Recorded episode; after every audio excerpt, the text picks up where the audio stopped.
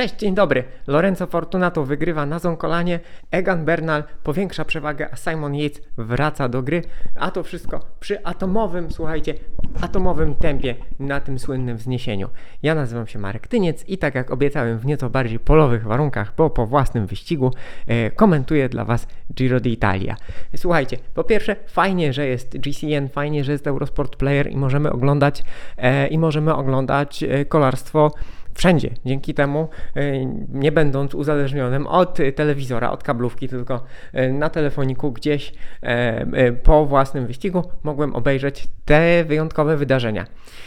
Po pierwsze, słuchajcie, Lorenzo, Lorenzo Fortunato Pierwsze, jedyne zwycięstwo w karierze 25-latek e, e, z drużyny Olo Kometa i to jest e, symptomatyczne, bo to jest drużyna Alberto Contadora i Iwana Basso, czyli tych herosów, którzy wygrywali te najważniejsze górskie etapy. No i słuchajcie, Fortunato po ucieczce dnia wygrywa, wygrywa na słynnym Zonkolanie. To jest wielka rzecz. No i charakterystyczne właśnie, że, że, że ci dwaj wielcy kolarze jakby wychowują e, następców. Zobaczymy, no bo mm, losy zwycięzców, na przykład e, Kennego Elisonda, który wygrywał na Angliru, potoczyły się różnie, więc miejmy nadzieję, że dla Fortunato to nie będzie, słuchajcie, to nie będzie jedyne zwycięstwo w karierze, albo to jedno z nielicznych i potem będzie no, pracownikiem. Zobaczymy, może to jest następna, następna szansa na wielką karierę.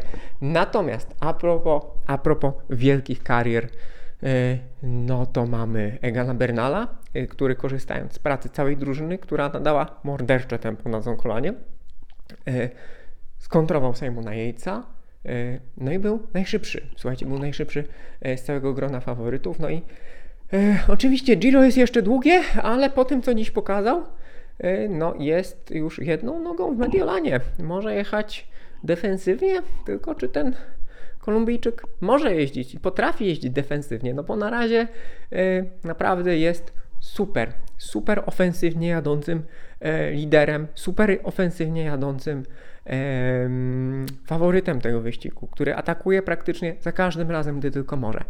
Tak jak się spodziewaliśmy, e, Simon Yates e, wrócił do gry, tylko czy to nie jest za późno i czy, czy to wystarczy na, na Gana Bernala? No bo wygląda na to, że, że Brytyjczyk faktycznie pomny swoich doświadczeń z poprzednich lat e, celuje, celuje z formą na ten słynny trzeci tydzień Giro, trzeci tydzień Giro, który jest zawsze najtrudniejszy, najbardziej wymagający. No i co, no Caruso się trzyma dzielnie, e, natomiast e, słuchajcie, no czy to jest posprzątane? Pytanie jest, czy to jest posprzątane? Nie wiem, nie wiem, bo tak jak mówię, no, są te dolomity, są te bardzo trudne etapy w trzecim tygodniu, więc mogą się dziać jeszcze dziwne rzeczy. E, Egan Bernal atakuje za każdym razem, zużywa zasoby, tak, zużywa, zużywa zasoby i no i to może być różnie, ale w tym momencie wygląda na to, że jest, e, że jest nietykalny. Evenpool oczywiście niby można mówić, że zawodzi. E, inni zawodnicy, Własow troszkę, troszkę też poniósł, e, poniósł straty. Ale to są wszystko młodzi, młodzi ludzie i no i myślę, że to, to, to, nie są, to, to, nie są, to nie są jeszcze takie bardzo duże. Oni wszyscy pojechali bardzo dobrze, o tym za chwilkę, w sensie bardzo szybko.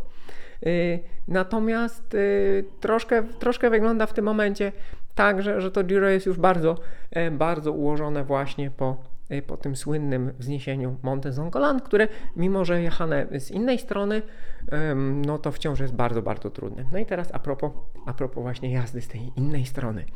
Podjazd od Sutrio, e, który w troszkę innym miejscu się, nieznacznie w innym miejscu zaczął, w związku z tym pomiary, pomiary nie są z całego tego podjazdu, natomiast z, z, z, z kluczowej części.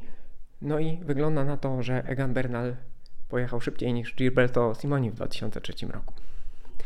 I w zasadzie powinienem tutaj dać pauzę i zostawić Was z taką informacją, to oznacza, że Simon Yates pojechał też bardzo szybko. Simon Yates na przykład pojechał szybciej niż Marco Pantani e, w swoim ostatnim dobrym występie.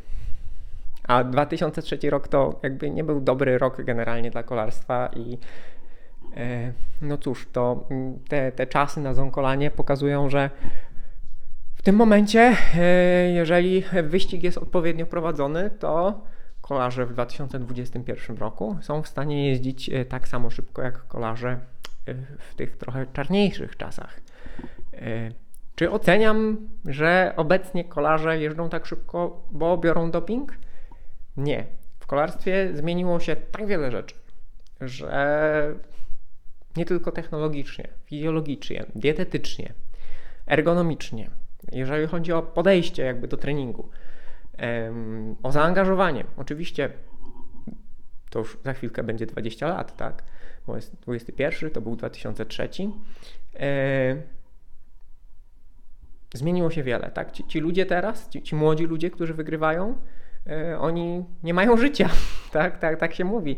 E, Van der Poel, Van Aert, te młode gwiazdy, że oni nie mają nic poza kolarstwem więc są zaangażowani bardziej niż kiedykolwiek. Oczywiście Armstrong, Simoni to byli profesjonaliści, ale w kolarstwie zmieniło się wszystko, tak?